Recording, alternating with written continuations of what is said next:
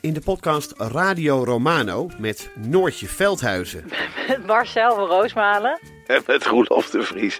brengen we alle drie elke week een zogenaamde signalering mee. Wat heb jij nou weer bij je? En aan het eind bepalen we wie de winnaar van de week is. Echt een angstcultuur Lege huls die je er bent? Ja, dat gaat eigenlijk altijd onvriendelijk.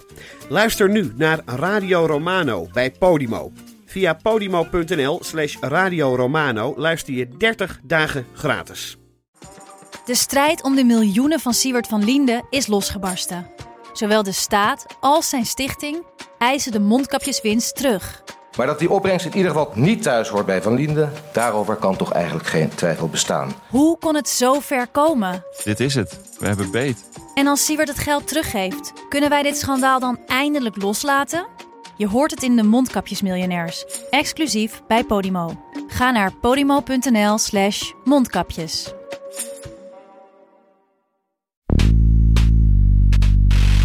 Qui succédera à François Hollande? Qui sera à la tête de l'État pendant les cinq prochaines années?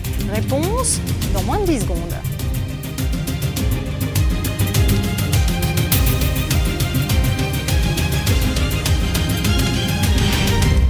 Emmanuel Macron est élu président de la République française avec 65,5% des voix.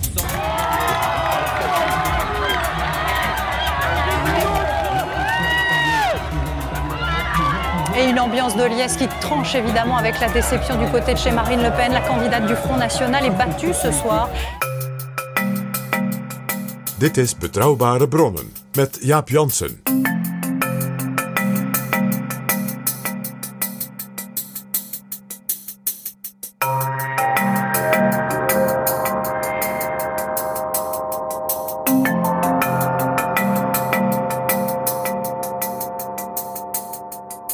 Hallo, welkom in Betrouwbare Bronnen, aflevering 204 en welkom ook PG. Bonjour Jaap.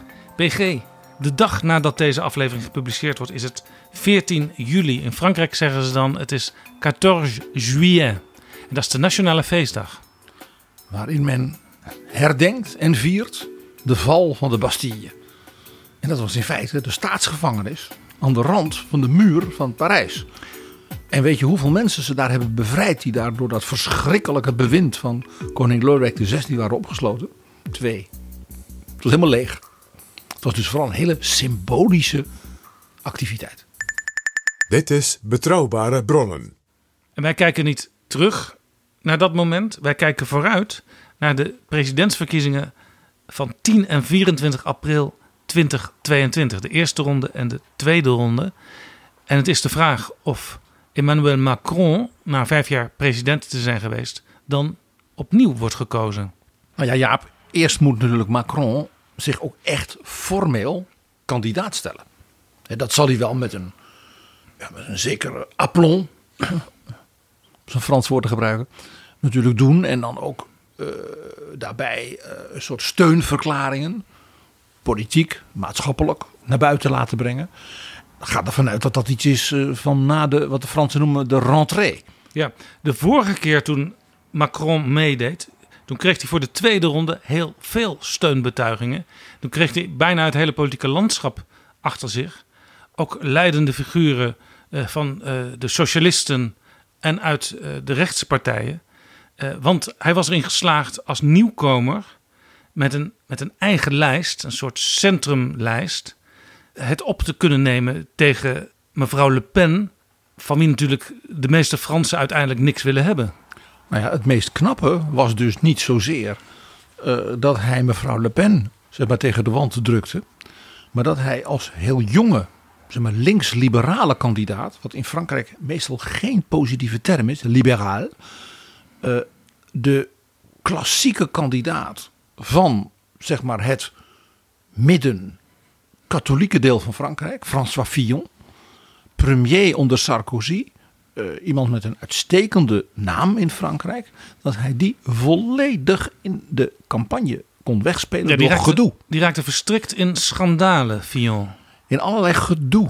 Eh, hij bleek zijn Engelse echtgenote eh, als daar een soort salaris te geven als adviseur en nou ja, dat soort dingetjes. Ja, en het interessante is heel vaak in Frankrijk doet wel een soort uh, liberale middenkandidaat mee. Dat is François Bayrou. Maar die haalt nooit meer dan 8 à 10 procent. En het bleek dus nu dat dat midden veel groter kon worden onder leiding van zo'n charismatische kandidaat als Emmanuel Macron. Nou, vooral omdat hij dus in een bepaalde manier dus niet uit dat klassieke zeg maar, oude liberale midden kwam, maar uit een heel nieuwe eigen ja, soort definitie van een jong en modern Frankrijk. Ja, en omdat hij natuurlijk tegen Le Pen opnam, werd hij zelfs gesteund door uh, de vertrekkende president François Hollande en ook door Ségolène Royal. En ook door de president daarvoor, Nicolas Sarkozy. En wat zeker zo interessant is, hij kreeg ook de volle steun van de burgemeester van Le Havre, Edouard Philippe. En dat was een soort wat modernere politicus van het midden, een soort christendemocraatachtige politicus. Uh, en die zei: Ik ga zelfs de kandidaat van mijn partij, François Fillon, niet steunen. Want dat is verder een prima man, maar dat is niet de, zeg maar, de vernieuwing en de klachtdadige, jeugdige uh, aanpak die Frankrijk nodig heeft. Dus ik ga Emmanuel Macron steunen. Ja, en, deze, dat hebben er dus verschillende gedaan in die hoek. Deze Edouard Philippe, die komt van de Republikeinen en dat zou je kunnen vertalen als de, de Franse christendemocraten. Hoewel je, je zei het al bij het liberalisme, je kunt dat allemaal niet één op één vertalen. Het Franse midden, daar zitten dus de restanten van de vroegere Gaullisten in. Daar zitten de aanhang, dat heette ook wel de Les Républicains Indépendants. Dus de aanhang van Valéry Giscard d'Estaing met name. Uh, en uh, de vroegere christendemocraten in Frankrijk, dat die heette de MRP. Uh, dat was een soort wat meer een soort katholieke volkspartij. En die zijn uiteindelijk in die samenwerking, wat nu Les Républicains heet, bij elkaar gekomen. Ja, en daarom is het tegenwoordig handig om te kijken waar zitten die partijen in het Europees Parlement. En dan zitten die Republikeins uh, bij, de, bij het CDA. En uh, Macron zit bij de VVD en D66. En deze meneer Edouard Philippe, die dus van rechts kwam en toch Macron steunde. Eh, die werd ook beloond, want die mocht de eerste premier worden van Macron eh, vanaf 14 eh, mei 2017. En het interessante is, nog nou deze dagen, geen Franse politicus scoort zo hoog in zeg maar, waardering van het publiek als deze oud-premier inmiddels. Ja, hij is dus, zou je kunnen zeggen, de, de meest geliefde politicus van Frankrijk op dit moment. Hij heeft zich nog niet gemeld hè, voor het presidentschap. daar gaan we het over hebben, ja. Want waarom moest hij weg als premier? Macron? Wilde in de coronacrisis, na de eerste grote zware klappen, een soort uh, verstrakking van zijn uh, regering, nieuwe krachten erin. En heeft toen opnieuw een christendemocraat uit de provincie premier gemaakt. En dat was een iets minder, zeg maar, briljant soort technocraat. En meer een wat, ja, hartelijke, wat boerenman. Ja, je zou kunnen zeggen, Edouard Philippe was misschien wel te populair. En dat was ook een beetje gevaarlijk om hem steeds naast Macron te zetten. En Jean Castex, die op 3 juli 2020 aantrad als premier. Dit is inderdaad iemand uit de provincie. En dat had ook wel een reden, want Macron is in de provincie natuurlijk niet zo sterk. Zijn, zijn partij die bestaat nauwelijks in de provincie. Dat hebben we ook gezien bij de afgelopen regioverkiezingen. Dat was ook bij de presidentsverkiezingen. Uh, Macron haalde een, een, een, enorm percentage, zeker voor Franse presidentsverkiezingen, in de 60 procent. 66 procent. Ja, dat is, dat is in Franse verkiezingen ongekend. Uh, maar als je naar de kaart van Frankrijk keek, dan kon je zien dat hij die stemmen dus haalde in zeg maar, urbaan Frankrijk. En in een aantal zeg maar, klassieke, meer middenlinks streken, die dat als het ware meer traditioneel zijn. Maar op het platteland en bijvoorbeeld in het noorden van Frankrijk, uh, waar Le Pen uh, altijd al sterk was, uh, daar was toch Le Pen, hoewel ze maar een derde van de stemmen had, duidelijk op de kaart van Frankrijk, in ieder geval in dat dun bevolkte gedeelte, toch wel dominant.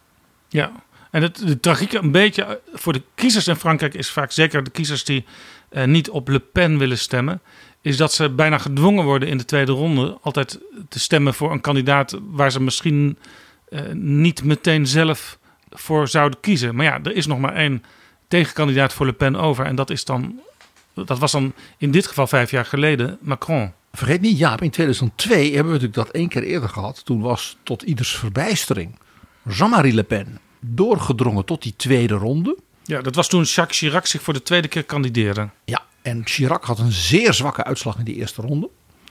En men ging ervan uit dat de kandidaat aan de linkerzijde eh, een zeer goede kans maakte. Alleen die waren door ego-gedoe zo verdeeld dat de kandidaten van links allemaal soms op zeg maar, nou ja, een half procent onder de 16, 17 procent van Le Pen kwam. Dus ineens was het de zeer niet populaire, slechte uitslag krijgende zittende president tegen Jean-Marie Le Pen. Dans quelques secondes, il est 20 heures. Voici notre estimation du résultat du premier tour de l'élection présidentielle.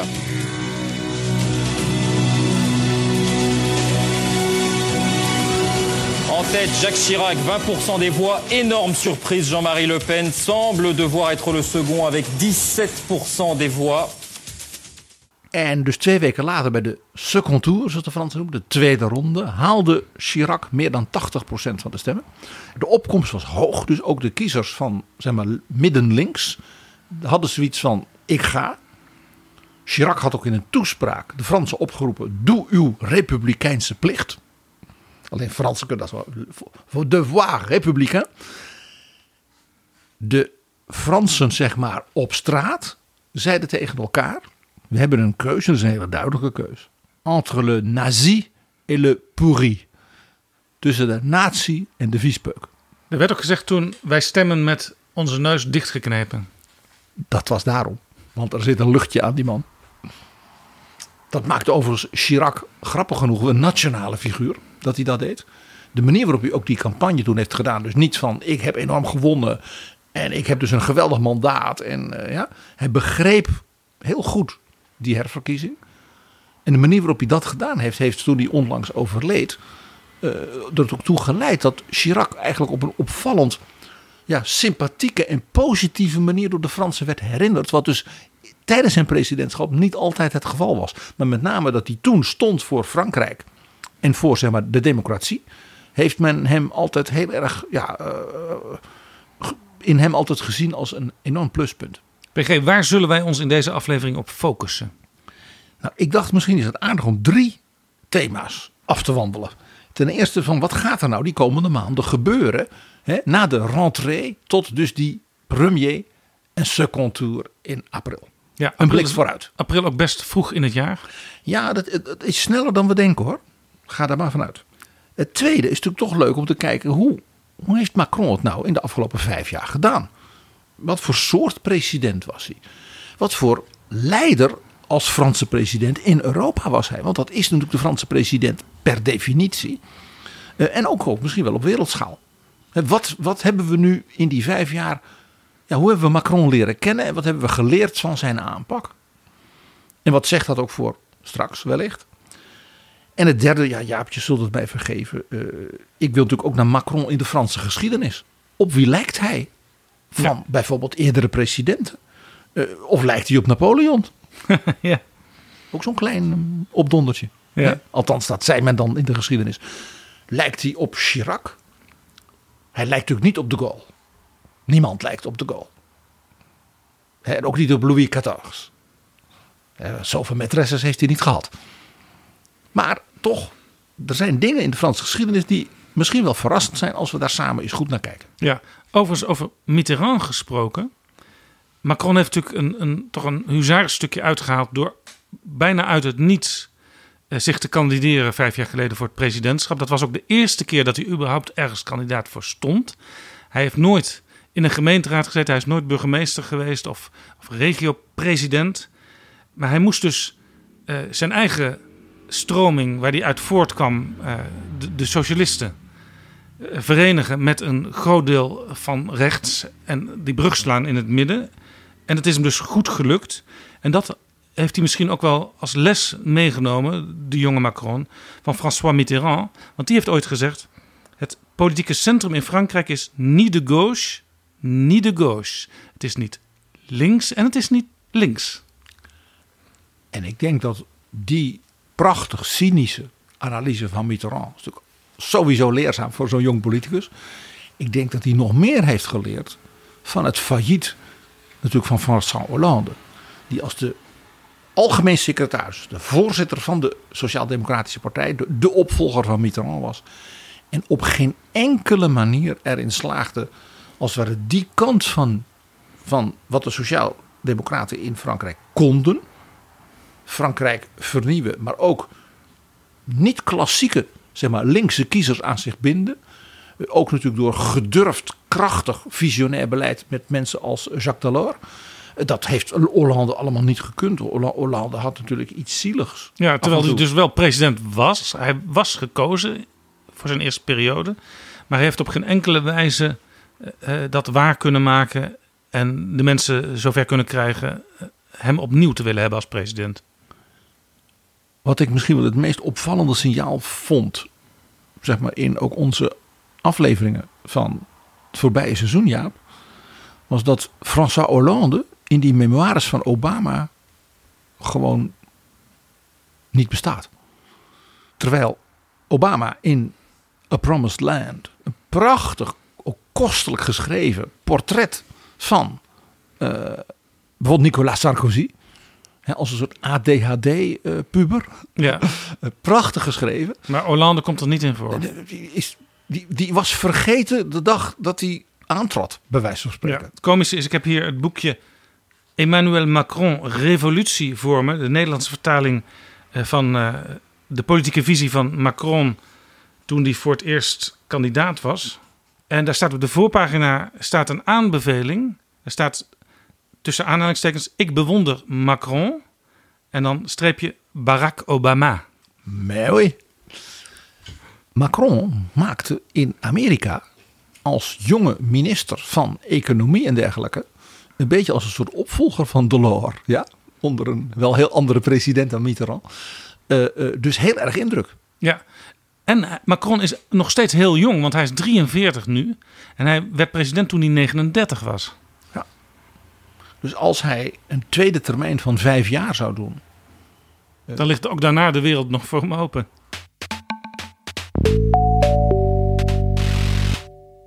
PG, de verkiezingen in Frankrijk zijn dus in april van het nieuwe jaar.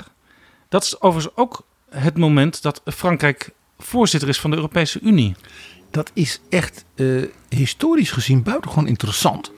Want het is niet zo dat die verkiezingen als een verrassing komen. Dus dit is bewust besloten dat dat half jaar Frankrijk voorzitter is. Terwijl hij dus midden in de verkiezingscampagne zit. En dan zeg ik, dit is een cadeautje voor Macron. Ja, dat wordt dus besloten uiteindelijk door de regeringsleiders. Die bespreken dat met elkaar. Die maken zo'n lijstje van wie zijn er de komende zoveel jaar voorzitter. Er wordt een voorstel gemaakt en dan wordt natuurlijk duidelijk gemaakt aan de, zeg maar, de organisatorische kant van de Europese Commissie hoe men dat wil. Ja, en vroeger was het altijd op, op volgorde van alfabetisch van naam. Maar dat is wat veranderd en daar is dus blijkbaar kun je daar ook als je slim bent invloed op uitoefenen. Nou ja, er wordt nu dus met die trojka's gewerkt, waarbij men dan een bijvoorbeeld kleiner land dat nog niet zo lang lid is, koppelt aan een middelgroot land dat al langer lid is. En bijvoorbeeld een van de grote landen.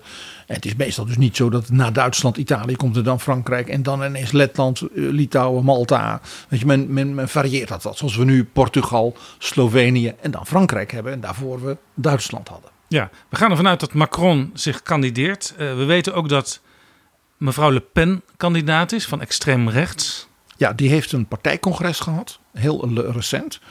Waarbij de wonden vooral gelikt moest worden. En ook de, zeg maar, de discipline in haar club hersteld. Na de enorme sof van de regioverkiezingen. En daar is zij herkozen met 98% van de stemmen. Als uh, de aanvoerder van de Rassemblement National, zoals de partij nu heet. En presidentskandidaat. En er is meteen een heel jonge uh, uh, vertegenwoordiger als haar vervanger aangewezen. Dus dat is wel interessant. Ja. En ik begrijp ook dat die jonge vervanger, hij is geloof 25 hè? Dat hij ook eh, zeg maar, de partij leidt eh, als zij uh, in het heetst van de campagne is. Ja, want dat is in Frankrijk natuurlijk altijd zo. Als je kandidaat bent, dan ontstijg je als het ware aan het gewoel van de politiek met de kleine p. Hè, want dan ben je natuurlijk van de president met de grote p. Dat is in Frankrijk nu eenmaal zo. Jij zei al, bij de regioverkiezingen heeft Le Pen het eigenlijk tegen verwachting slecht gedaan. De peilingen die, die waren best goed voor haar. Ze dacht zelf Uh, wij gaan met onze partij uh, tenminste één regio veroveren. Dat daar ook een, een van onze mensen. Nou, tenminste, tenminste twee. Eén in het zuiden van Frankrijk en één in, zeg maar, aan de grens met België in het noorden. Maar dat is niet gebeurd. Het opmerkelijke is dat. Ze werden ook niet, wat echt de voorspelling ongeveer was, duidelijk de grootste partij. Helemaal niet. Nee, het opmerkelijke is dat het, het, het brede en traditionele recht.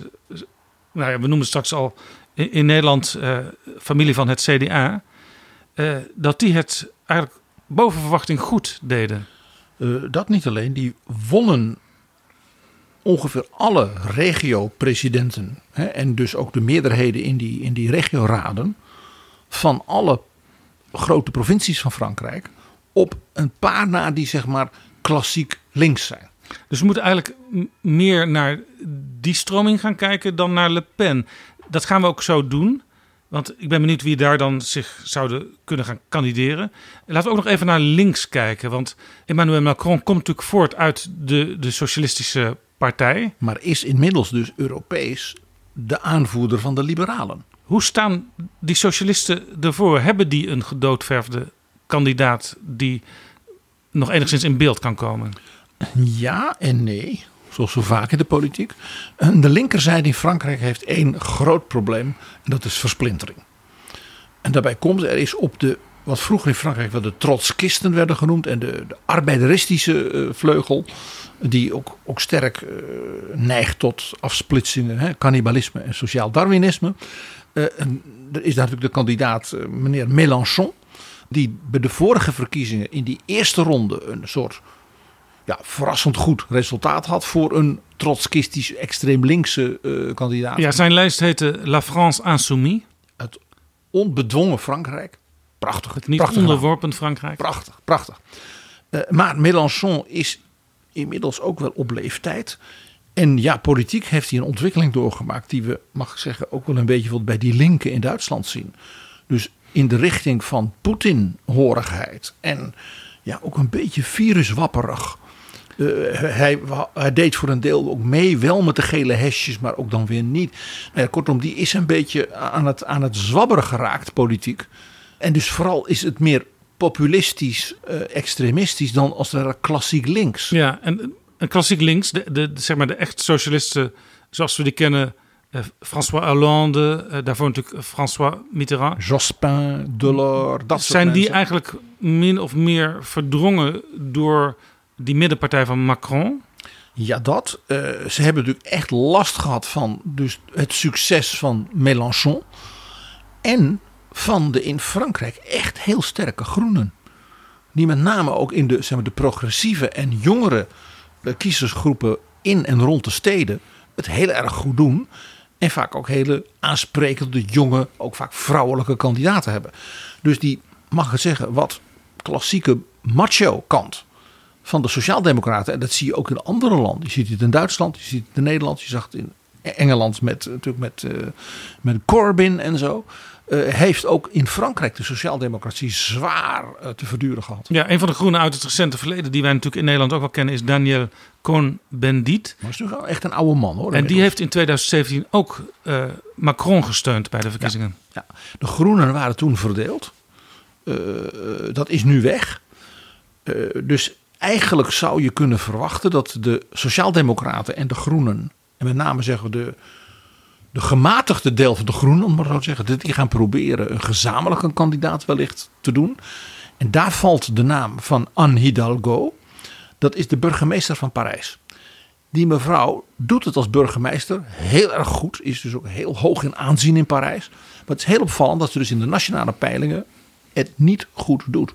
Zij wordt dus geassocieerd met ja, een verdeeld links. Ja, en overigens ook in de regio Parijs uh, heeft traditioneel rechts het goed gedaan bij de regioverkiezingen. Ja, daar had men uh, mevrouw Pécresse, uh, en die was al de, zeg maar, de regio-president. Valérie Pécresse. En er was ook een minister geweest onder Sarkozy en dergelijke. En die ja, stond bekend, zeg maar, wie zou zeggen, als een safe pair of hands. Die kon dat goed. En die heeft een heel goed resultaat behaald bij de regioverkiezingen. Dus die zal ongetwijfeld nu met haar aanhangers natuurlijk haar knopen tellen. Want als zij natuurlijk in die regio Parijs als zeg maar ook een beetje de kandidaat vandaar het goed zou doen, ja, dan haal je, gelet op hoe Frankrijk in elkaar zit demografisch, alvast, uh, dan heb je vast 20% van de stemmen als het ware al bijna binnen. Ja, en natuurlijk ook belangrijk wellicht dat er een, een, een vrouw op het hoogste niveau naast uh, mevrouw Le Pen staat. En ook voor natuurlijk de vrouwelijke kiezers van zeg maar, het midden een interessant alternatief voor Macron. Want één ding werd duidelijk ook bij de regenverkiezingen. Macron moet het niet hebben van de liberalen en van zijn partij En Marche. Die haalde nauwelijks 10%. Ja, heel interessant. 10% is een belangrijke grens uh, bij die verkiezingen, want dat is de kiesdrempel. En in het noorden van Frankrijk, waarvan jij zei, daar had uh, Le Pen gehoopt het goed te doen. Daar deed traditioneel rechts uh, het heel goed. En daar kwamen de mensen van Macron, terwijl er nog speciaal een ze aansprekende lijst was samengesteld voor Haute de France, die kwamen onder de 10%. Ja. En nationaal uh, was dat, uh, had dat dus echt effect. Uh, en ook dus in Parijs, waar Macron bij de presidentsverkiezingen van vijf jaar geleden haalde Macron bijna 90% van de stemmen in Parijs. En, en dus in die regio van Parijs haalde dus mevrouw Pécresse ja, een, een, een politieke triomf. En de aanhang van Macron was dus heel slecht gemobiliseerd. Want dat is dus het opvallende: dat, dat die aanhang van Macron voor dat soort regionale uh, verkiezingen dus moeilijk te mobiliseren is. Want die partij bestaat eigenlijk niet. Terwijl dat is nog, een vehikel voor de president ja, alleen. Terwijl ik me nog herinner dat toen Macron net gekozen was. Uh, toen gingen leden van zijn partij het hele land door met vragenlijsten om met mensen te praten en te noteren waar ze mee zaten en wat Parijs allemaal moest gaan regelen. En vooral natuurlijk anders moest gaan doen. Uh, maar dat contact is blijkbaar niet beklijft. Nee, de, presidents, de presidentsverkiezingen van 17 werden, zoals in Frankrijk altijd, gevolgd door een ontbinding van het parlement. om de nieuwe president een soort eigen mandaat te geven. Toen heeft Macron met zijn partij En Marche een mooi resultaat gehaald. Maar die Marche Club is nooit echt een partij geworden. En toch heel veel ook individuen die moeilijk als het ware uh, ge, ge, gegrond waren in hun regio's. En dat is eigenlijk denk ik het geheim van dus dat verrassende succes van de Christendemocraten. En ook van dus de linkse partijen die in die klassiek linkse streken bij die regioverkiezingen heel goed overeind bleven. Ja, als we even kijken naar uh, het landelijke beeld en we verdelen de, de partijen in, in vijf stromingen, dan eindigt de En Marche van, van president Macron op de vijfde plaats. Dat is echt heel pijnlijk. Op vier de socialisten, op drie de groenen. Nou ja, die kunnen hem dan misschien samen gaan. Op twee Le Pen en op één, verrassend, je zei het al, de Republikeinen. Ja. Nou, dat geeft aan dat we dus uh, bij de presidentsverkiezingen, zeker in die eerste ronde, dus meerdere kandidaten gaan zien. Meer dan we als het ware nu op grond van partijgroeperingen zullen zien. He, dus het is al de vraag: zullen bijvoorbeeld de Groenen en de Sociaaldemocraten uiteindelijk met één kandidaat gaan komen? In het verleden is dat vaak gebeurd. Ja, of gaat men toch uh, weer uh, verdeeld? Dan weten ze eigenlijk van tevoren dat ze dus een, een, een kans op het Elysée niet hebben en dat ook eigenlijk maar laten. Wat er ook zeker zal zijn, is een kandidaat van, ik zal maar zeggen, de zeer behoudende rooms-katholieke rurale uh, politieke stroeperingen, de zogenaamde divers droite, zoals dat in Frankrijk zijn, divers rechts. Uh, er is een generaal die boos is op Macron, die vindt het een slap Janus en die zegt ook ja, de veiligheid op straat en dergelijke is een ernstig probleem en wij als militairen zouden wel weten hoe je dat aanpakt. Ja, die man is Pierre de Villiers, die heeft zich erg verzet met een aantal collega's tegen de bezuinigingen op defensie die Macron meteen doorvoerde toen die was aangetreden. En die heeft ook steun zeg maar, van uh, zeg maar, sterk uh, klerikale katholieke groepen tegen het homohuwelijk en dat soort dingen. Ja, dat dus, zijn ook een beetje de groepen die je in Frankrijk ook nog wel eens tegenkomt, die, die zich eigenlijk nog wel een beetje monarchistisch voelen ook. Daar zitten dat soort elementen uit het Franse uh, verleden in. En die dus Le Pen eigenlijk dus te seculier en te liberaal vinden. Ja, het klinkt gek, maar Le Pen is natuurlijk ook heel erg voor uh, de meningsvrijheid, maar dan wel van haarzelf. En voor, ook voor het homohuwelijk en allemaal voor. En ze doet natuurlijk heel modern, want dat is natuurlijk een element dat we zo ook zullen aanstippen hoe Le Pen zich ontwikkeld heeft. Ja, maar, maar die streng katholieke generaal of zo iemand, Kijk, die haalt in zo'n eerste ronde een paar procent. En dat kan Tip- dus voor Le Pen een groot probleem zijn. Nou ja, dat Die zijn kiezers procent. waar zij in die eerste ronde maar niet op moet rekenen. Dus dat is lastig voor haar om als het ware als grootste uit die eerste ronde te komen. En Le Pen heeft nog een tweede bedreiging. Door die soft bij de regioverkiezingen zijn er, zoals wel vaker natuurlijk wat je hebt bij dat soort partijen op de flanken, allemaal gistende ontwikkelingen van andere ego's die op extreem rechts die denken nou dan laat ik het maar doen. En er heeft zich dus deze dagen een, eh, ja, een soort populaire mediafiguur gemeld, meneer Zemoun.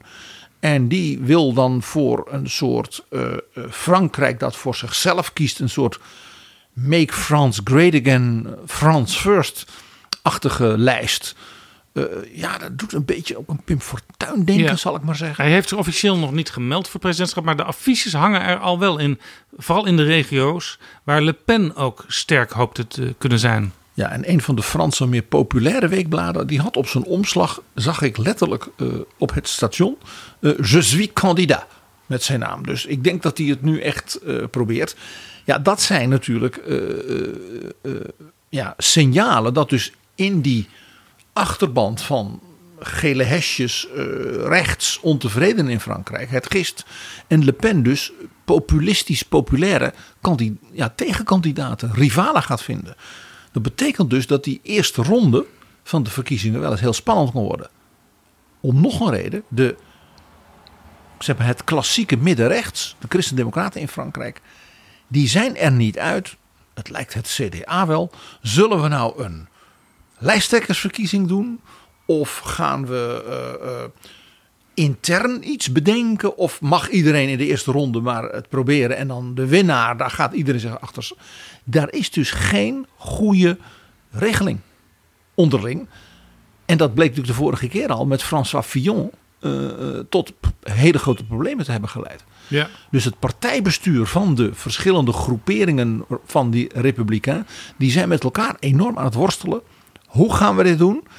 En van dus die modus van die verkiezing hangt ook af welke mensen als het ware zeggen, nou, dan wil ik wel. He, dus er zijn dus mensen, Fransen, waarvan iedereen weet die zouden heel graag president worden. Vanuit zeg maar, de Christendemocraten, vanuit het midden. Maar die zich nog een beetje bedekt opstellen. Omdat die afwachten, wat wordt de procedure? Ja, ze hebben dus eigenlijk nog steeds last, zou je kunnen zeggen, van de mokerslag die Macron ze in 2017 heeft toegedeeld. Het is wat dat betreft het rapport Spies van de Fransen zoiets nooit meer.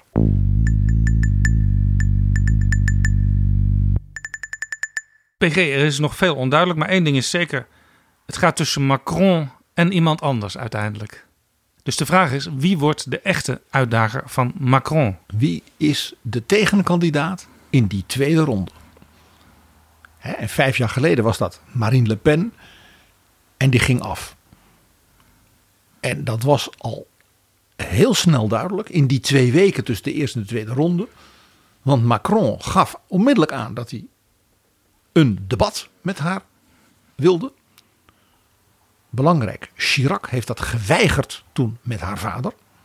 En hij zei: nee hoor. En Le Pen bleek op een hele serie onderwerpen eh, volkomen de mist in te gaan. Hij heeft daar gewoon gevraagd: als u dan een Frexit wil, hoe gaat u dan de pensioenen betalen? Want dan zitten we niet meer in de euro. Hoe gaat u dat doen? En de sociale zekerheid en de huursubsidies. En ze bleek gewoon helemaal niet te weten wat ze had. Uh, en hij zei, hoe gaat u? Dus hij begon heel praktisch van, hoe dan? En de Fransen hebben echt verbijsterd gekeken. En hij bleef toch die slimme, jonge, scherpe vent. Ja, beetje zoals Sibrand Buma in de Tweede Kamer Wilders heeft uitgedaagd. Meneer Wilders, hoe gaat u straks als de Koran verboden is, want dat wil u graag. Hoe gaat u die Koran dan weghalen uit al die huizen in Nederland waar dat boek staat? En Wilders toen zei, nou de politie gaat dan. En dat dus Buma zei, meent u dat? U gaat dus echt ook bij mij thuis laten aanbellen, want ik heb er ook heen. Dat, dat, dat, dat een, een, een fameus moment in onze parlementaire geschiedenis. Dat iemand eindelijk een keer zei tegen Wilders, hoe dan? Ja. En dat gebeurde toen in dat televisiedebat met dus zeg maar 20, 30 miljoen kijkers, bij wie dus de bliksem insloeg. En het is zo interessant, want ook heel veel mensen die misschien de neiging hebben om op Marine Le Pen te stemmen op dat moment, uh, die gaan dan ook denken van ja, uh, daar hebben we het eigenlijk nog nooit over gehad, over die praktische aanpak. Want het gaat altijd over de politieke ethiek en wat er allemaal niet deugt aan Marine Le Pen. En uh, zij wil de, de migrantie, migranten aanpakken. En ze wil minder misdaad. En ze wil meer geld voor de armen. Uh, ja, allemaal mooie beloften. Maar toen drong het eens door dat als zij haar zin kreeg, de mensen dus hun portemonnee leeg was. Vous proposez bien de sortir de l'euro. Non, je veux renégocier pour que l'euro, on s'en libère et on le transforme en monnaie commune. Non mais à quoi servira euh, l'euro C'est une monnaie commune, c'est un panier euh, de, euh, de, de monnaie, vous mais le savez, une encore monnaie... une fois. Notre dette, elle sera payée en euros ou en francs? C'est ça la question. Votre vision de l'Europe. Non mais c'est essentiel Non, mais parce que c'est le grand n'importe quoi du projet de Madame Le Pen. De Fransen zijn helemaal niet tegen de euro. Natuurlijk niet. Nou, dat had Macron dus heel goed aangevoeld. En Macron was geloofwaardig als de jonge minister van Economie. Met een dynamische blik op de toekomst van de Europese en Franse economie. Dus dat maakte hem geloofwaardig. Nou, eh, we hadden het er al over dat de trends, ook in die regioverkiezingen zijn, dat Macron nog steeds in dat opzicht steun heeft in Frankrijk. Maar dus een probleem heeft. Hij heeft een partij, dus een organisatie, ja, die, die, die, die ja, verdampt lijkt. In feite is hij een generaal zonder leger. Dat is wel een hele mooie formulering. Ook wel heel Frans. Le Pen, we hadden het er net al even over Jaap. Die merkte dus dat ze met haar klassieke eh, Front National, eh, eh, extreem rechts, ook van haar vader nog, verhaal in het mes liep. Vous êtes la véritable héritière, non seulement d'un nom, d'un parti politique, de tout un système qui prospère sur la colère des Français depuis tant et tant d'années. Dus zij is sindsdien een detoxification gaan doen van haar. Ontgiftiging van haar partij. Ja. Tot de grote treurnis van haar vader overigens. Ze heeft dus de naam Front National gedumpt. En daarmee dus ja, de verwijzing naar de successen en het verhaal van haar vader. En heeft tamelijk schaamteloos de naam van eh, zeg maar de bewegingen die de Gaulle nota bene eind jaren 40, jaren 50 eh, eh, probeerde gekaapt. Rassemblement National. Nou, hij had Rassemblement pour la République, Rassemblement pour la France. Ja, maar dat gebeurt vaker in de politiek. Hè? De partij van Geert Wilders, de Partij voor de Vrijheid. Eh, Die hadden we in Nederland eerder ook als de Partij van de Vrijheid. En dat was de voorloper van de VVD in 1946. Zo zie je maar. Uit die regioverkiezingen is duidelijk dat dit dus niet werkt. Die ontgifting heeft natuurlijk één nadeel. Dat de mensen die dat gif willen, niet krijgen ingeschonken wat ze willen drinken. Want hè, het overgrote deel van haar aanhang bleef thuis. Die liep niet over, die bleef thuis. Ja, iets wat we overigens aan de extreme rechterkant in Nederland ook regelmatig zien bij verkiezingen. Als ze het ineens slecht doen, dan blijkt ook een groot deel van de aanhang die de vorige keer op ze gestemd heeft, niet op te zijn gekomen. Zie de Europese verkiezingen. Dus bij lage opkomst en weinig mobilisatie, enthousiasme voor het onderwerp of voor eh, eh, de verkiezingscampagne, dan blijven die kiezers thuis. Dus dat is voor Le Pen zeer zorgelijk. In het licht ook van dus dat er nu rivalen komen die roepen: ik kan nog veel populistischer toeteren dan mevrouw Le Pen. Overigens heeft Macron in zijn regering, die natuurlijk ook een heel breed spectrum eh, moet afdekken, sinds een tijdje een minister van eh, Binnenlandse Zaken. Die heet Darmanin. En die heeft gedebatteerd met Marine Le Pen. En Marine Le Pen die feliciteerde deze minister met eh, het boek wat hij geschreven had. Ik ben het vrijwel geheel eens met wat u in dat boek geschreven heeft. Het geeft al een beetje aan eh, dat hij ook heel erg naar de, de rechterkant leunt. Eh, een beetje zoals Sarkozy ook ooit deed to- toen hij minister van Binnenlandse Zaken was. En deze minister is ooit de woordvoerder van Sarkozy geweest. Dit is geen toeval. Hier zie je dus dat Macron, omdat hij dus zeg maar, als liberaal geen voldoende basis heeft in de Franse politiek qua organisatie, mobilisatie. Dus mensen van andere groeperingen, zowel van de linkerzijde als in dit geval dus van de Sarkozy-hoek. Dus zeg maar uit de, uh, nou de, de rechtervleugel van het Franse CDA, om maar zo te zeggen, naar zich toe haalt. En hen ook die delen van de Franse bevolking en de Franse thema's laten bestrijken. Ja, en Le Pen die wist in dat debat niet hoe ze het had. Want deze minister die verweet haar zelfs dat ze te soft is tegen de islamisten. Wat deze minister dus deed, dat hij deed. Ja, ja, wat deed deze minister? Dat was tactisch vanuit het oogpunt van een debat op televisie zeer verfijnd. Hij deed alsof hij die ontgifting van mevrouw Le Pen serieus nam. U bent nu ook een politicus, een staatsvrouw bijna, die dan tegen het midden aanschuurt. En op een aantal punten ben ik in dat opzicht wat kritisch op u, want u bent eigenlijk een beetje te slap aan het worden. Dat is natuurlijk heel vals. En heel verfijnd, heel Frans ook. Om op die manier bijna Cartesiaans hè, met elkaar het debat te zoeken. Ja. En Macron heeft dus, net als toen hij als presidentskandidaat mevrouw Le Pen dus onderuit schoffelde op het punt van de Frexit, de euro en het feit dat ze financieel een rampenplan had, heeft, heeft hij dus nu een van zijn mensen als het ware vooruitgestuurd op het punt van politie, veiligheid uh, en dergelijke. Een thema wat mevrouw Le Pen altijd natuurlijk voor zichzelf claimde en hij pakt haar dus nu als dan in de aanloop van de verkiezingen alvast op dat punt dat af. Ja, en die Gérard Darmanin, uh, die mag dus helemaal rechtsbuiten gaan hangen op het schip van staat. En de president van Frankrijk kan natuurlijk altijd op een bepaald moment zeggen: Je bent te ver gegaan, ik zet er weer iemand anders neer als minister. Hij kan hem altijd een beetje terugfluiten. En hij zal niet op een lijst van En Marche komen. Maar er is vast uh, straks in een volgende situatie voor deze meneer wel weer een plek. En hij gaat ook een boek schrijven, want dat doe je in Frankrijk. Heeft hij gedaan? Zie je, zie je. Ja, en daarmee is Le Pen het dus grotendeels eens. Ja, nou ja, dan, dan, dan, dus Le Pen ha, heeft, had het opnieuw uh, uh, heel moeilijk door de wijze waarop dus de, de Macron-club haar weet aan te pakken.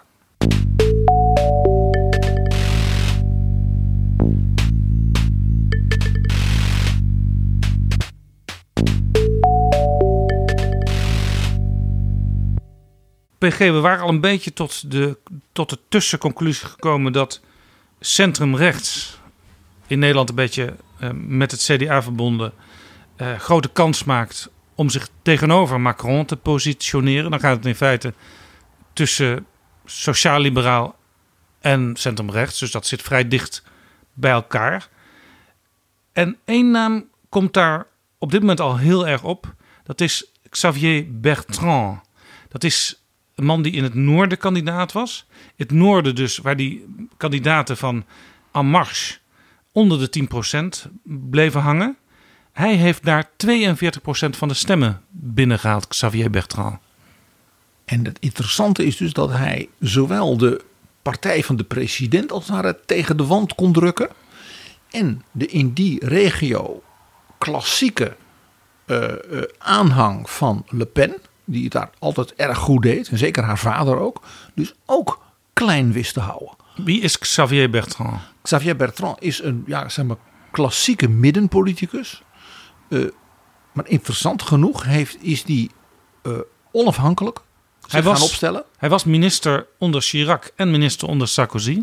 En is daarna gaan zeggen: Ik ben over de trend in mijn partij, zeg maar in mijn middenpartij, ontevreden. Uh, die probeert iets te veel. Die wat meer streng uh, uh, conservatief katholieke kiezers zeg maar, op het platteland en zeg maar, in, de, in, de, in de, de netwerken van, de, van, van katholiek Frankrijk te pleasen rondom het onderwijsbeleid, rondom het homohuwelijk en dergelijke. En hij zegt, ik vind dat we daarmee ja, op de verkeerde weg zijn. Dan, dan, dan, dan, dan zet je je in een hoek waar je niet moet willen zitten. Ook hij weet dus, net zoals Mitterrand, het politieke centrum is niet de gauche, niet de gauche.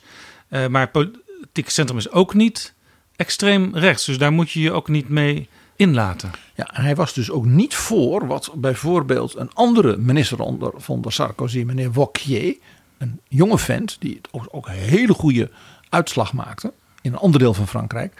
En wat die dus zei, die zei ja kijk, wij moeten misschien als middenrechts toch accepteren dat ja, Le Pen, ja, die staat toch voor iets in Frankrijk en misschien moet je wel. Dus daar kwam een soort gedoogachtig iets, nou, wat in het CDA de Donner-doctrine heet. Als we nou eens met ze samen gaan, dan worden ze misschien wel een beetje fatsoenlijk, dan hebben wij toch de macht.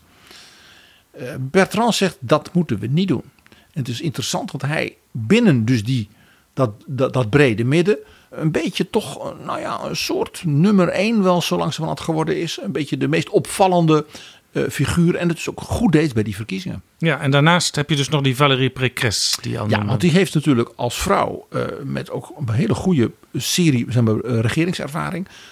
Het belangrijke plus dat zij zeg maar, in dat hart van Frankrijk, rondom Parijs, natuurlijk ja, de meest dichtbevolkte gebied van Frankrijk als het ware regeert. En daarmee natuurlijk een sterke als ware, basis heeft voor als zij kandidaat zou zijn. Maar zij heeft zich tot nu toe nog niet heel erg naar voren geschoven. Nee. En er is natuurlijk nog Edouard Philippe, die nog met een groot vraagteken achter zijn naam genoteerd staat. Ja, daarvan gaat men er in Frankrijk nu van uit dat hij zich afstandelijk houdt en wacht op de tweede ronde. En dus bij de tweede ronde kon hij wel eens dan zeggen van, uh, of ja, ik ben toch een christendemocraat en voel mij meer verbonden met de kandidaat van de christendemocraten als die dus de tweede ronde haalt. Dan wel dat als het toch weer Le Pen tegen uh, Macron is, dat hij dan zegt: U kent mij als man van het midden, als zeg maar een beetje een CDA. Maar ik ben toch echt ook een man van Macron. Ik waardeer de president. Uh, ik ben zijn premier geweest. Waarbij Macron hem dan natuurlijk wel heel veel dank verschuldigd is. Als hij als populairste, meest gewaardeerde politicus van Frankrijk de president steunt. Het is natuurlijk ook een uh, beetje opportunistisch om pas op dat moment te kiezen voor centrum links of centrum rechts. Ja, dat is ook helemaal in de lijn van Chirac. Je doet je republikeinse plicht. PG, er is nog een naam die af en toe opduikt. Mr. Brexit. Ja, Michel Barnier. Die op zijn Twitter-account al een, een, een, foto van zichzelf met een leesbril in de hand en een exemplaar van Le Monde. Ah, is een man van de wereld, letterlijk. Uh, zegt: uh, Ik wil aan geen enkele vorm van verdeeldheid deelnemen. Ik wil graag iedereen bijeenbrengen. Alle talenten van rechts en van het centrum. En ik heb een uh, ronde door Frankrijk gemaakt om al onze kandidaten te steunen. Dat zijn dus die kandidaten die het zo goed gedaan hebben bij de regioverkiezingen. Dus Barnier zegt, doordat ik door heel Frankrijk ben gegaan, heb ik dus heel veel krediet opgebouwd door deze mensen aan winst te helpen. En ik wil ermee doorgaan al deze mensen uh, bij elkaar te brengen en samen verder te gaan. D'abord, si je suis candidat, c'est une décision que je ne vais pas vous dire ce soir. Je vais réfléchir avec ceux qui m'entourent et je prendrai ma décision. Je l'annoncerai aux Français en responsabilité, mais je serai dans ce rendez-vous. Et parce que je, je, sais que je peux, je sais que je peux réunir les talents de la droite républicaine et du centre et de beaucoup d'autres dans une action nouvelle. Mais je n'ai pas, si je devais prendre cette décision, envie de l'inscrire contre quelqu'un. Les Français ont besoin de respect. Une partie du respect, c'est que ils ont envie de voter pour et non pas contre. Dit is ineens een heel interessante naam, Michel Barnier. Want Macron heeft zich natuurlijk ook geprofileerd.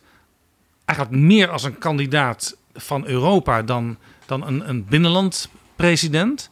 Hij, Michel Barnier, is natuurlijk ook bij uitstek een Europese man. Want hij heeft de Europese waarden verdedigd in de onderhandelingen met de Britten bij de Brexit.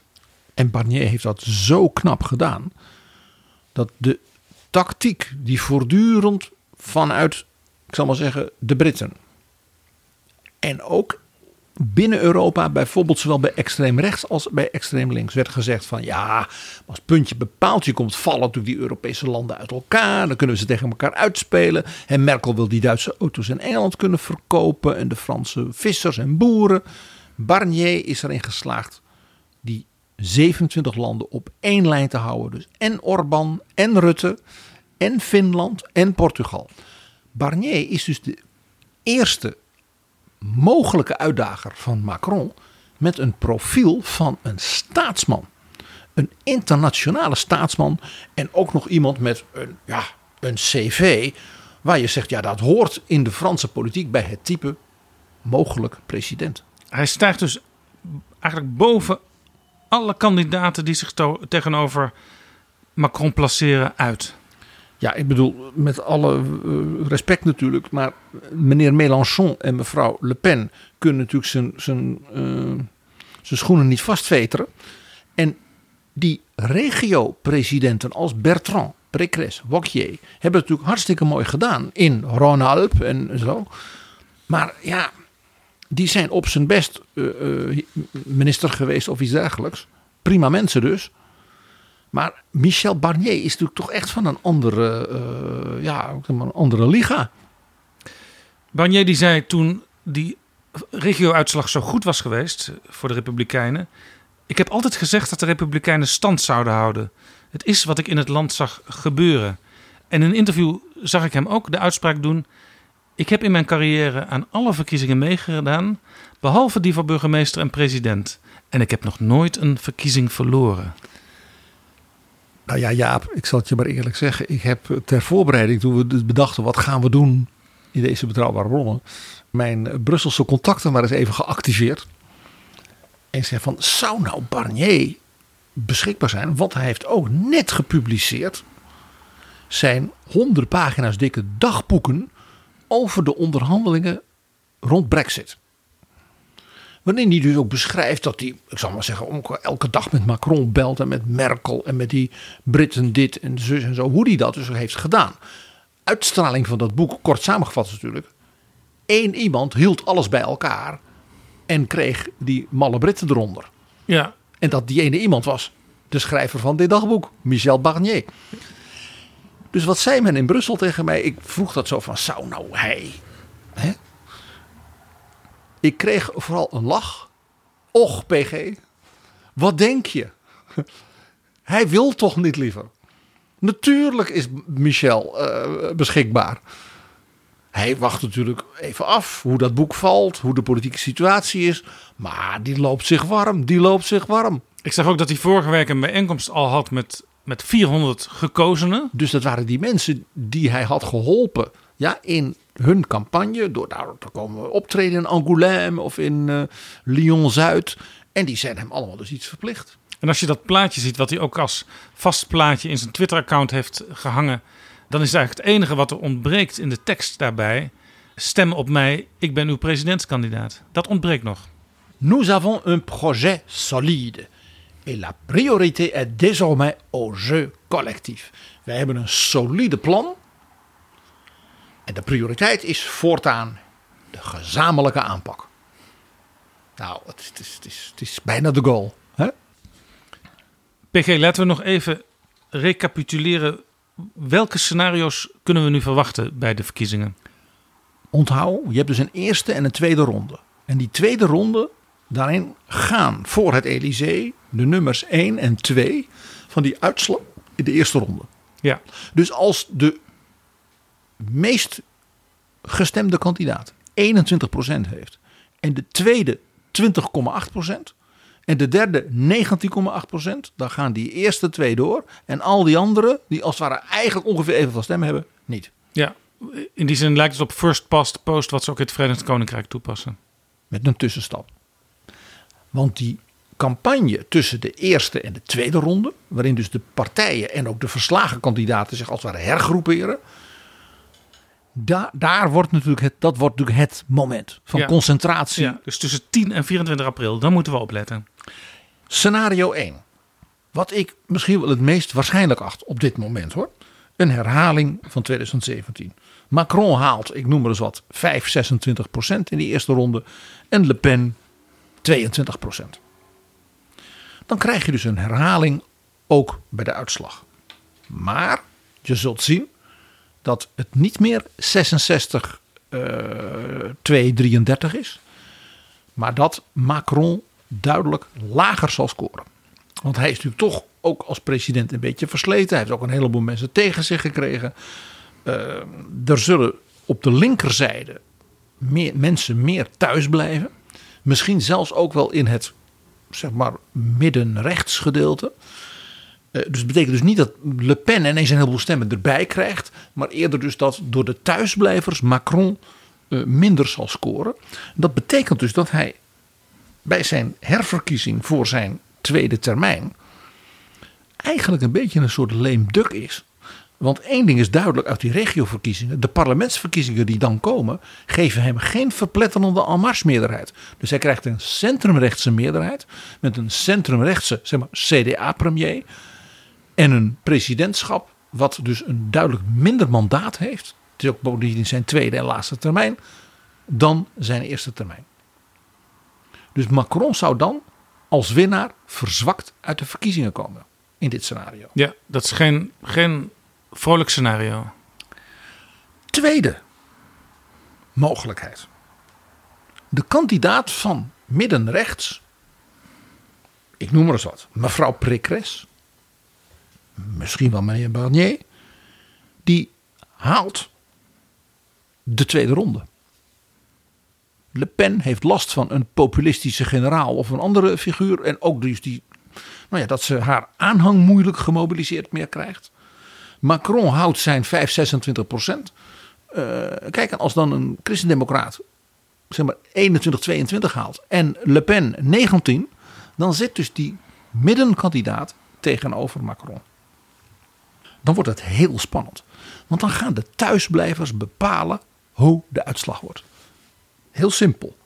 Als de kiezers van het middenlinks groen zeggen ja, zo'n liberale man die ook een beetje naar rechts geschoven is tegen uh, zo'n CDA. Ik blijf thuis. Dan verliest Macron nipt. Want die middenrechtskandidaat, zeg maar die klassieke kandidaat, ja, die zit daar en die heeft natuurlijk een mobilisatie-effect op zijn achterban op het platteland. En uh, ja, die komen allemaal wel dan. En een heleboel mensen zeggen: ik wil van die Macron af. Dus de kans dat Macron dan wordt verslagen is bepaald aanwezig. Blijft hard rechts, zal ik maar zeggen, de aanhang van Le Pen en bijvoorbeeld zo'n katholieke, uh, streng katholieke generaal of zo, blijft die thuis? Want die zegt ja, het is twee keer hetzelfde midden en midden. Ja. Dan wint Macron nipt. Nog net. En dan opnieuw, bij de parlementsverkiezingen, kon hij dan wel eens een meerderheid krijgen, dus van zijn tegenkandidaten in het parlement. En dan het meest spannende en niet ondenkbare scenario. Stel, de kandidaat van het klassieke midden haalt 23%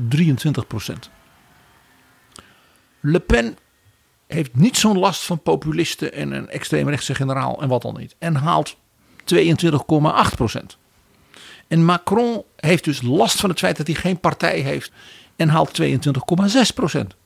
Dan wordt dat dus de kandidaat, zal maar zeggen, van het CDA tegen de kandidaat van de PVV. En dat hebben we gezien toen met Chirac tegen vader Le Pen. Als je kijkt naar de Franse politiek en de stromingen, dan ga je dus krijgen dat, zoals jij zei, men knijpt zijn neus dicht. En de kandidaat van het midden, klassieke midden, haalt dan dus 25% van de eigen aanhang. Zo'n 15% liberale midden Macron-aanhangers. En nog eens 15, 20% van de linkerzijde die denkt, nou ja, vooruit dan maar. En dan zit zo iemand dus al op 60. Kortom, PG, er kan nog van alles gebeuren. Het kan dus in Frankrijk ongekend spannend worden. Dit is Betrouwbare Bronnen, een podcast met betrouwbare bronnen.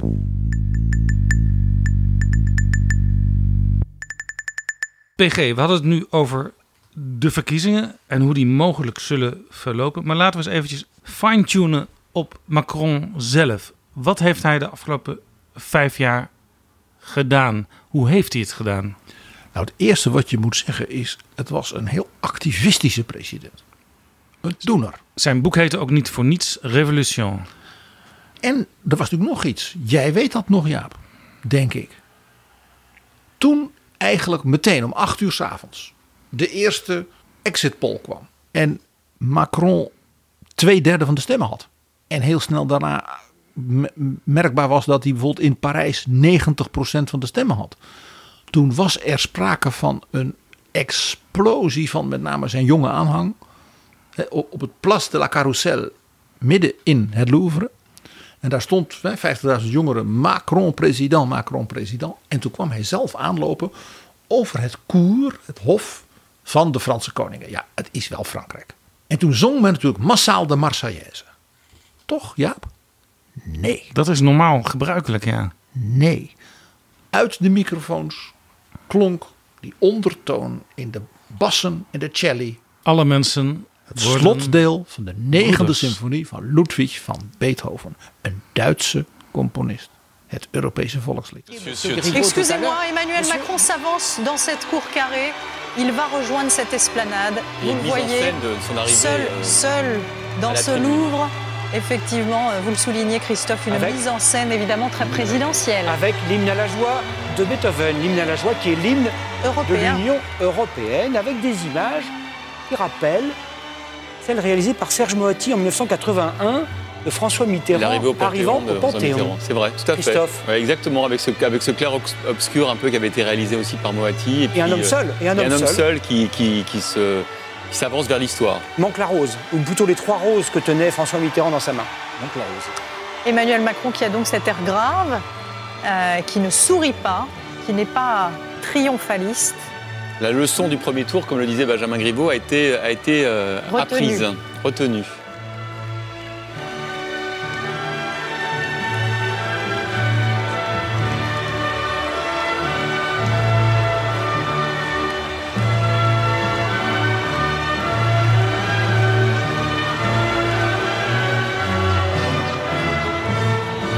Il contourne euh, la pyramide pour aller donc devant, euh, entre la pyramide et le- l'arc du carrousel.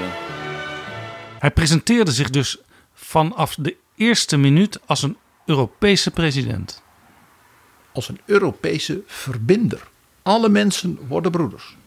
En nog iets, hij liep niet als een triomfator, ik zal maar zeggen, met de extravertie van een Jacques Chirac. Ja, die stond dan met zijn handen in de lucht en dat had die man. En dat was ook prachtig om naar te kijken. Macron had een keurige donkere jas aan en liep bijna als het ware onder de indruk van het feit: ik ben nu de president. Ik heb nu een ja, zware taak op mij als jonge vent. Heel ingetogen, ja, uitgelicht naar dat podium. En je hoorde dus door elkaar heen Beethoven en die juichende jonge mensen. De ensenering was, zoals in Frankrijk wel vaker, perfect. Maar het was natuurlijk ook een heel duidelijk symbool. Dit is een jong iemand die zich bewust is van dat hij heel veel, heel moeilijk zal moeten doen. Hè? Dus dat hard werken, dat activistische. En iemand met een Europees soort optimisme.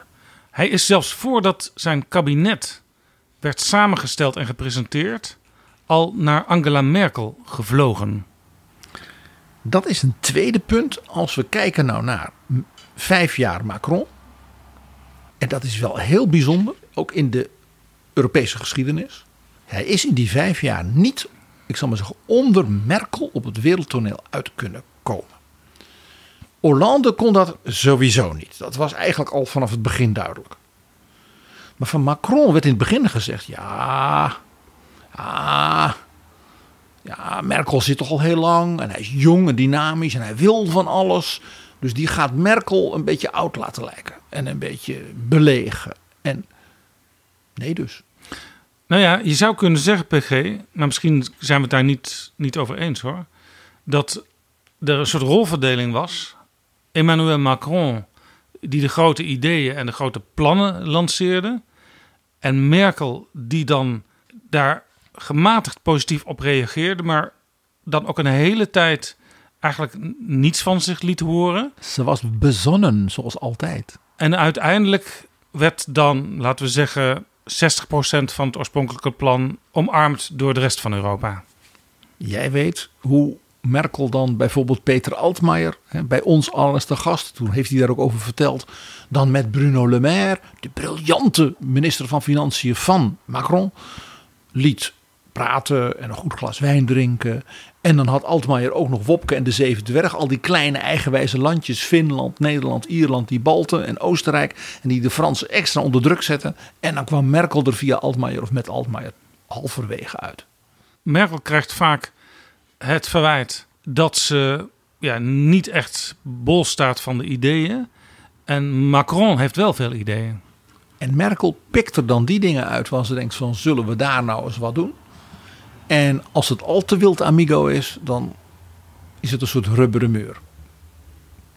Op één ding na moet je twee dingen mogen we toch op het Europese en internationale toneel moeten we Macron meegeven. Eén, hij heeft Merkel meegekregen in de coronacrisis ten aanzien van de zeer krachtige Europese aanpak met het reddingsfonds en alles erop en eraan. En daar had Macron vooral last van zijn liberale vriend en mede-liberaal leider in Europa, Mark Rutte. En de Frugals, zoals ze zich lieten noemen. En Merkel heeft toen gekozen om Macron te steunen. Natuurlijk op zijn Duits, een beetje minder en een beetje rustiger en dit en dat.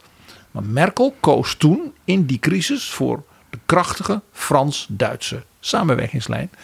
En heeft toen op een bepaald moment dus haar bondgenoot uh, Rutte opzij gezet.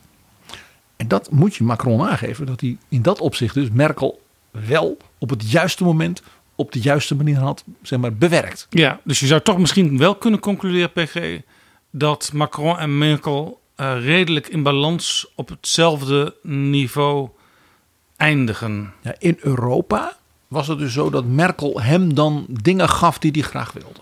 Maar dat was wel de verhouding. En op het wereldtoneel was Merkel ook natuurlijk door de persoon en de aanpak van Trump een beetje degene waar de mens zich aan vasthield, meer dan Macron. Zij ja. toch de leader of the free world, zoals in Amerika zijn. Ja. Dus, heel, dus wel anders, maar het was ook natuurlijk een hele andere periode, hele andere omstandigheden.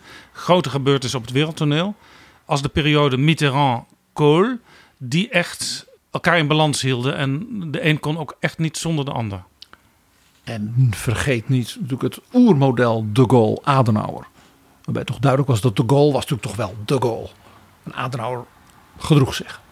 En dat was toch bij Kool en Mitterrand ook. Kool had toch ook zo'n bewondering voor Mitterrand met alle spanningen.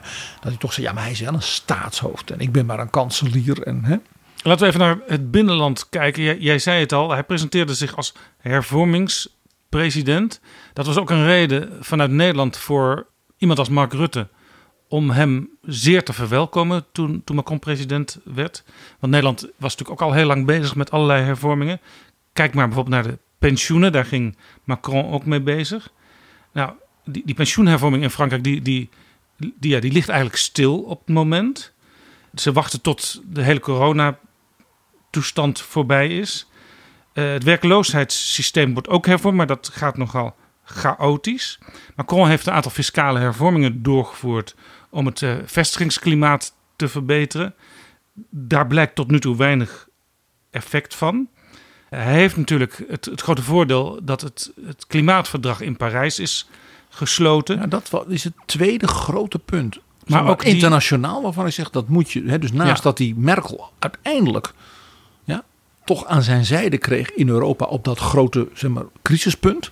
Is dat het tweede punt waarvan ik zeg, ja, dat is toch wel het straalt wel op hem af dat het in Parijs was natuurlijk. Maar ook hij heeft dat ook heel krachtig zelf ook, hè, dat activistische in hem laten gebeuren. Ja, maar in Frankrijk zelf worden nog wel vraagtekens gezet bij.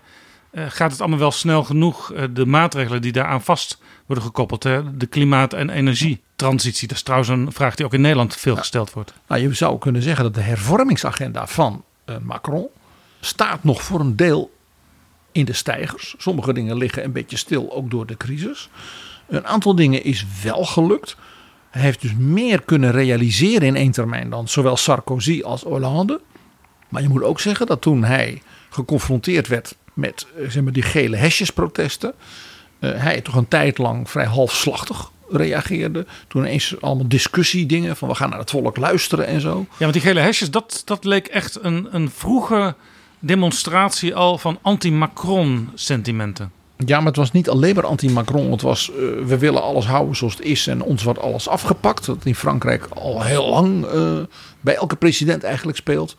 Men wil dat de president Frankrijk uh, weer nummer één maakt. En dat hij nieuwe dingen doet. En zodra hij het doet, dan roept iedereen schande. Dat is het een beetje het noodlot van elke Franse president. En hij is toen dus op culturele thema's, law and order ook, uh, zeker ook met die nieuwe minister van Binnenlandse Zaken, opmerkelijk dus naar de rechterkant opgeschoven. Op een manier die, we hadden het er al even over, mevrouw Le Pen uh, zwaar in de problemen brengt met haar eigen verhaal. Dus dat is een, vind ik wel een interessante trend. En ik ben ook benieuwd hoe dat dus in die verkiezingscampagne, als het ware, hoe zich dat als het ware gaat uitkristalliseren.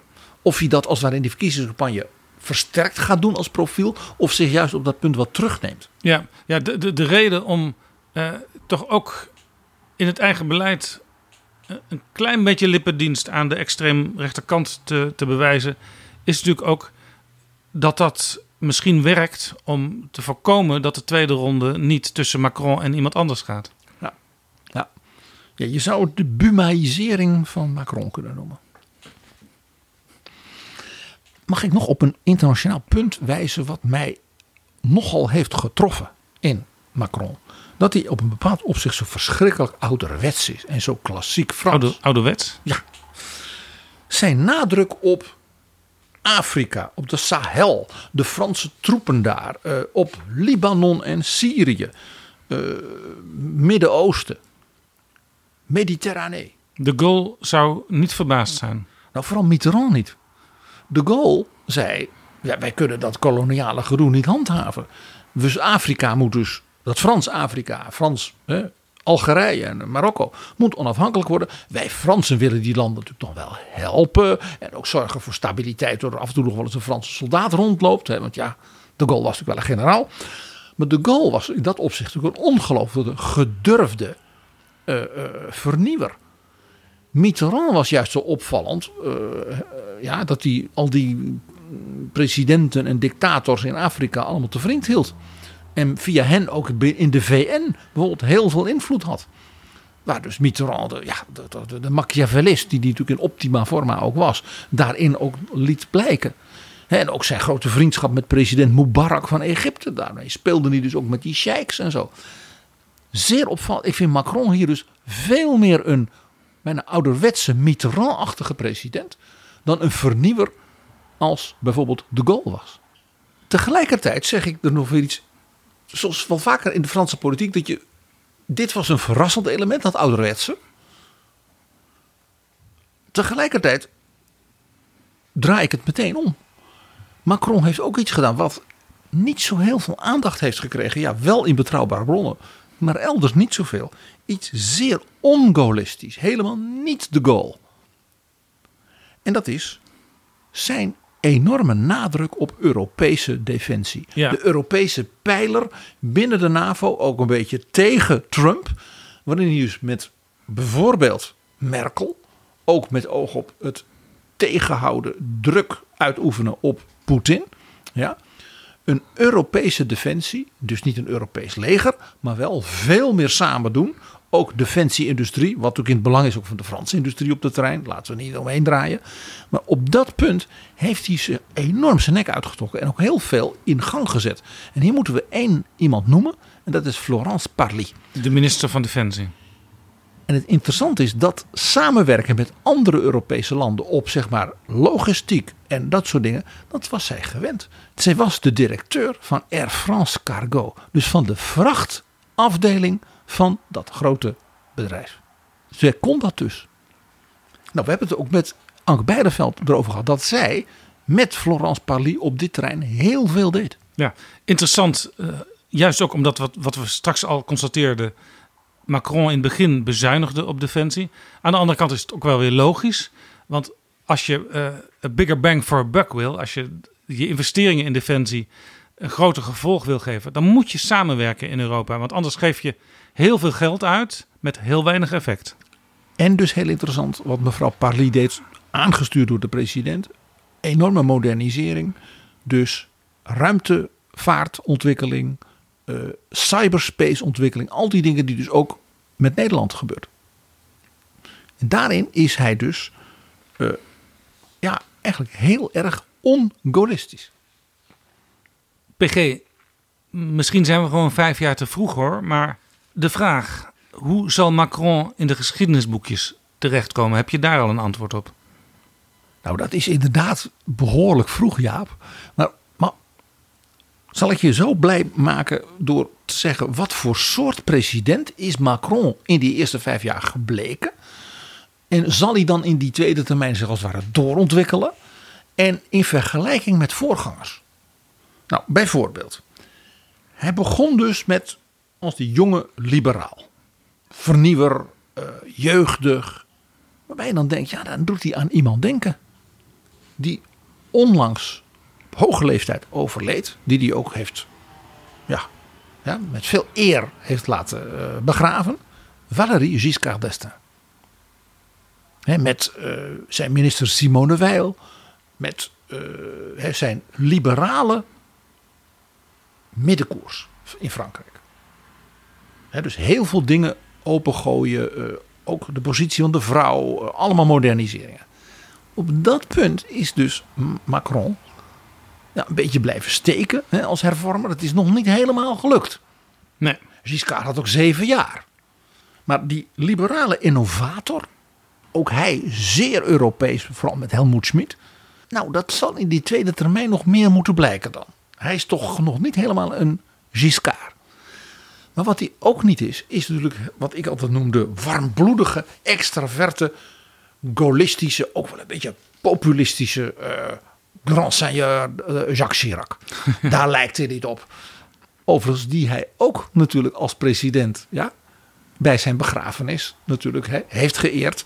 En ook dat was heel interessant, wat natuurlijk dan zo'n zittende president over zijn voorganger vertelt. Ja, want je kunt net die zinnen uitspreken die ook iets over jezelf zeggen als president. Dus bij Giscard benadrukte hij de man die Frankrijk modern maakte.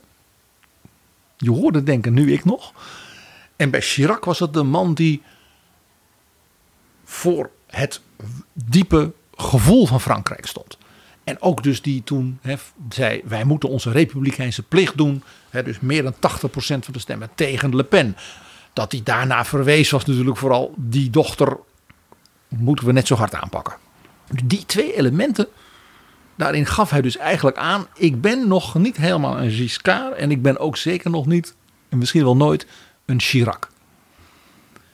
Hij is natuurlijk iets wel, vergeleken bij anderen. Het is een hele serieuze iemand, het is een gedreven iemand. Ja, zijn interviews, zijn, uh, zijn boodschappen die hij naar buiten brengt, zijn tweets. Ja, hij is dat heel modern. Zijn toespraken, denk nou die toespraak bij de herdenking van Napoleon. Dan hoor je dat hij dat ook fijn vindt om zo'n verhaal te houden. Dat hij daar ook ambitieus en is, zeg maar intellectueel ambitieus. Hier lijkt hij misschien ook een beetje op Barack Obama. En vooral ook op François Mitterrand. Dat element van de president is ook de, met een soort cultureel-intellectuele tolk van La France, van de Franse cultuur ook. Uh, van de beetje ook van de grandeur, niet in militair opzicht, maar, maar in ja, van het eeuwige Frankrijk. Dat zie je ook bij hem, waarbij hij dus dat opgebouwd heeft, omdat hij natuurlijk niet de indruk moet wekken van wie denkt dat jonge ventje dat hij is. Ja, ik hoor overigens ook wel van Fransen dat ze hem wat te weinig vinden uitleggen. Dus de, de, de moeilijke maatregelen, die laat hij door ministers uitleggen. En daar brandt hij zijn vingers liever niet aan. Ja, dat is een interessant punt. De populariteit van dus die premier Edouard Philippe. En ook van die wat meer provinciale volkse premier van dit moment. Die ook populair is. Maar ook het enorme respect in Frankrijk voor Bruno Le Maire als de minister van Financiën. Een beetje de Jacques Delors van, van uh, Macron. Heeft daarmee te maken. Dat hij hen ook de ruimte geeft. Dat vind ik ook wel weer een stukje moderniteit in Macron. Laat Bruno Le Maire dat maar doen. Laat hem maar een boek schrijven over zijn visie op de toekomst van Europa. Dus eigenlijk het omgekeerde wat je in Nederland ziet. In Nederland zie je de premier steeds meer het beleid vertegenwoordigen. Ook bijvoorbeeld in de coronatijd. En er wordt altijd gezegd, als, als, als eh, Rutte geen zin heeft om zich ergens mee te bemoeien. Wij hebben geen presidentieel stelsel. Maar in Frankrijk zie je dus dat de president juist meer ruimte geeft aan de mensen net onder hem. En dat hij dus die premier, die daardoor zoveel respect kreeg, ook dacht van nou, na het diepste moment van de crisis, het gaat weer wat beter, ga ik toch een ander daar neerzetten. Hij moet geen rivaal worden. Nee. Dus dat spel, ja, dat is de finesse van de Franse politiek. Dus daarin zeg ik, lijkt hij een beetje op Mitterrand. Die, die, die stijl van Mitterrand. Aan de andere kant ook helemaal weer niet. Macron is niet ja, de verleider die Mitterrand toch was. Even wat ook ongrijpbaar zijn. Mitterrand had ook iets mysterieus. De verhalen over dat hij ja, uh, nog een ander gezin had. En, uh, ja, en zijn, zijn literaire uh, verrassende dingen. Zijn boeken over gedichten. Mitterrand was een literator. Ja? Ja. Net En- als de Gaulle ook een, een, een schrijver was van het, van het absolute topniveau. De Gaulle was ook ongrijpbaar en mysterieus. En was in zekere zin ook wel een beetje een verleider. De Fransen, hij nam de Fransen mee. Hè, in, in- ook in zijn toespraken. Wat, wat, wat hij natuurlijk ook niet heeft, is Macron, is.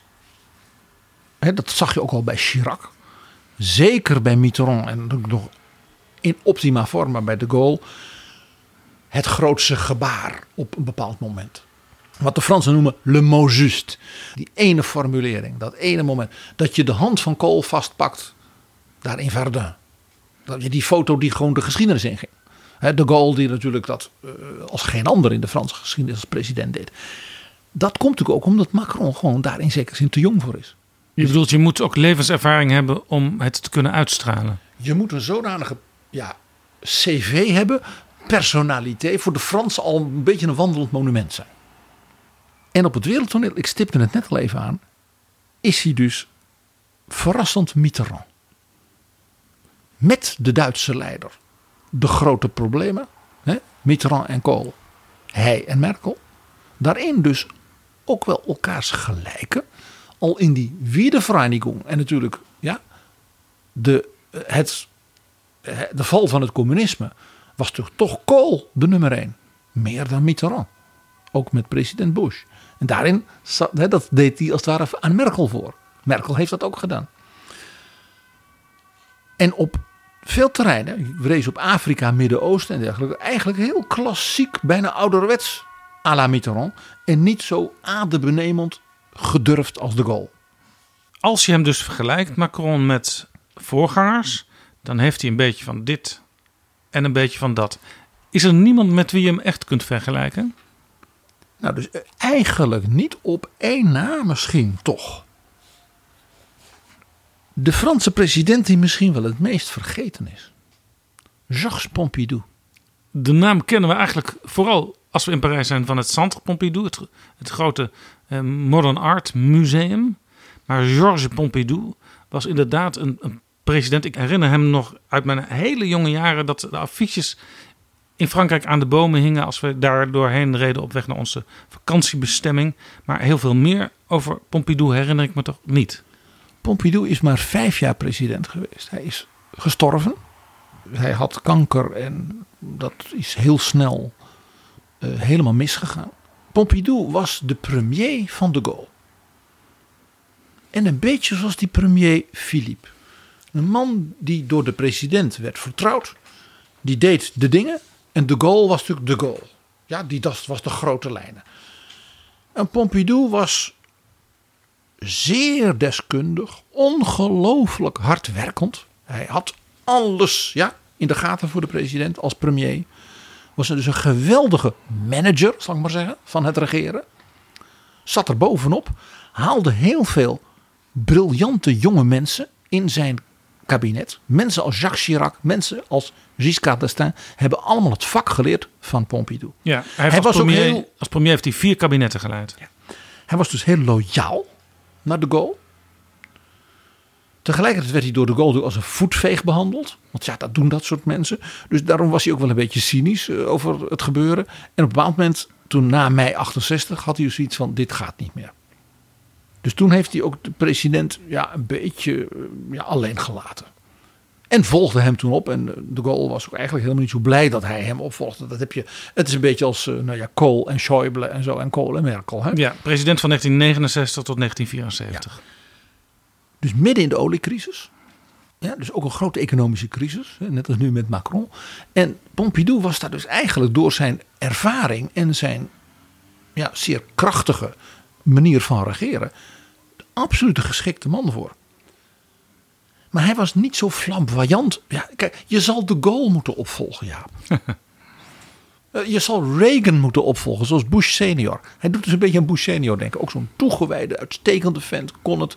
Maar ja, niet zo'n personaliteit. Maar PG, als je Macron eigenlijk in de lijn Pompidou zet... daar zal Macron zelf misschien niet heel blij mee zijn. wie weet wat voor prachtig centre Macron voor de kunsten er over 50 jaar door iedereen wordt bezocht. En nog één kleine ondeugende opmerking, Jaap. Weet je waar Macron mij altijd vanaf het begin aan deed denken? Heel ander iemand in de Franse politiek. Aan Napoleon III. Napoleon III. De zoon van de koning van Holland, Lodewijk Napoleon. Die uit het niets zich presenteerde aan de Fransen 1848. Democratisch Frankrijk. U mag zeggen wie u wil. Ik, Louis Napoleon, ben beschikbaar. Ik heb rondgereisd in de wereld, dat was hij ook. Ik heb uh, ja, een missie voor Frankrijk.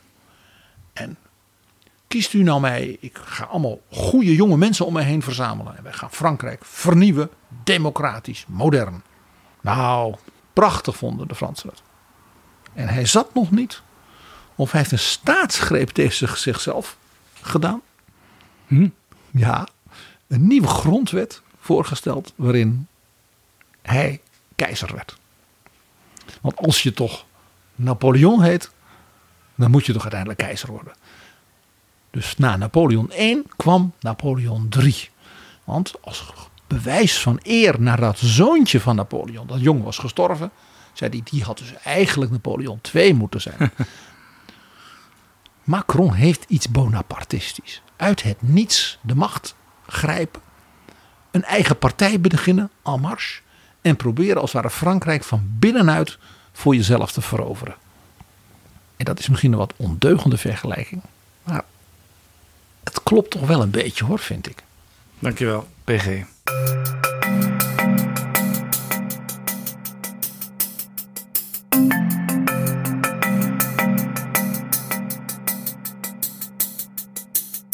Zo, dit was Betrouwbare Bronnen aflevering 204. Deze aflevering is mede mogelijk gemaakt door de Europese Unie en natuurlijk door de vrienden van de show. Luisteraars die met een donatie tonen dat ze Betrouwbare Bronnen waarderen. Word ook vriend van de show. Ga naar vriendvandeshow.nl slash bb. Tot volgende keer. Betrouwbare Bronnen wordt gemaakt door Jaap Jansen in samenwerking met dag en nacht.nl.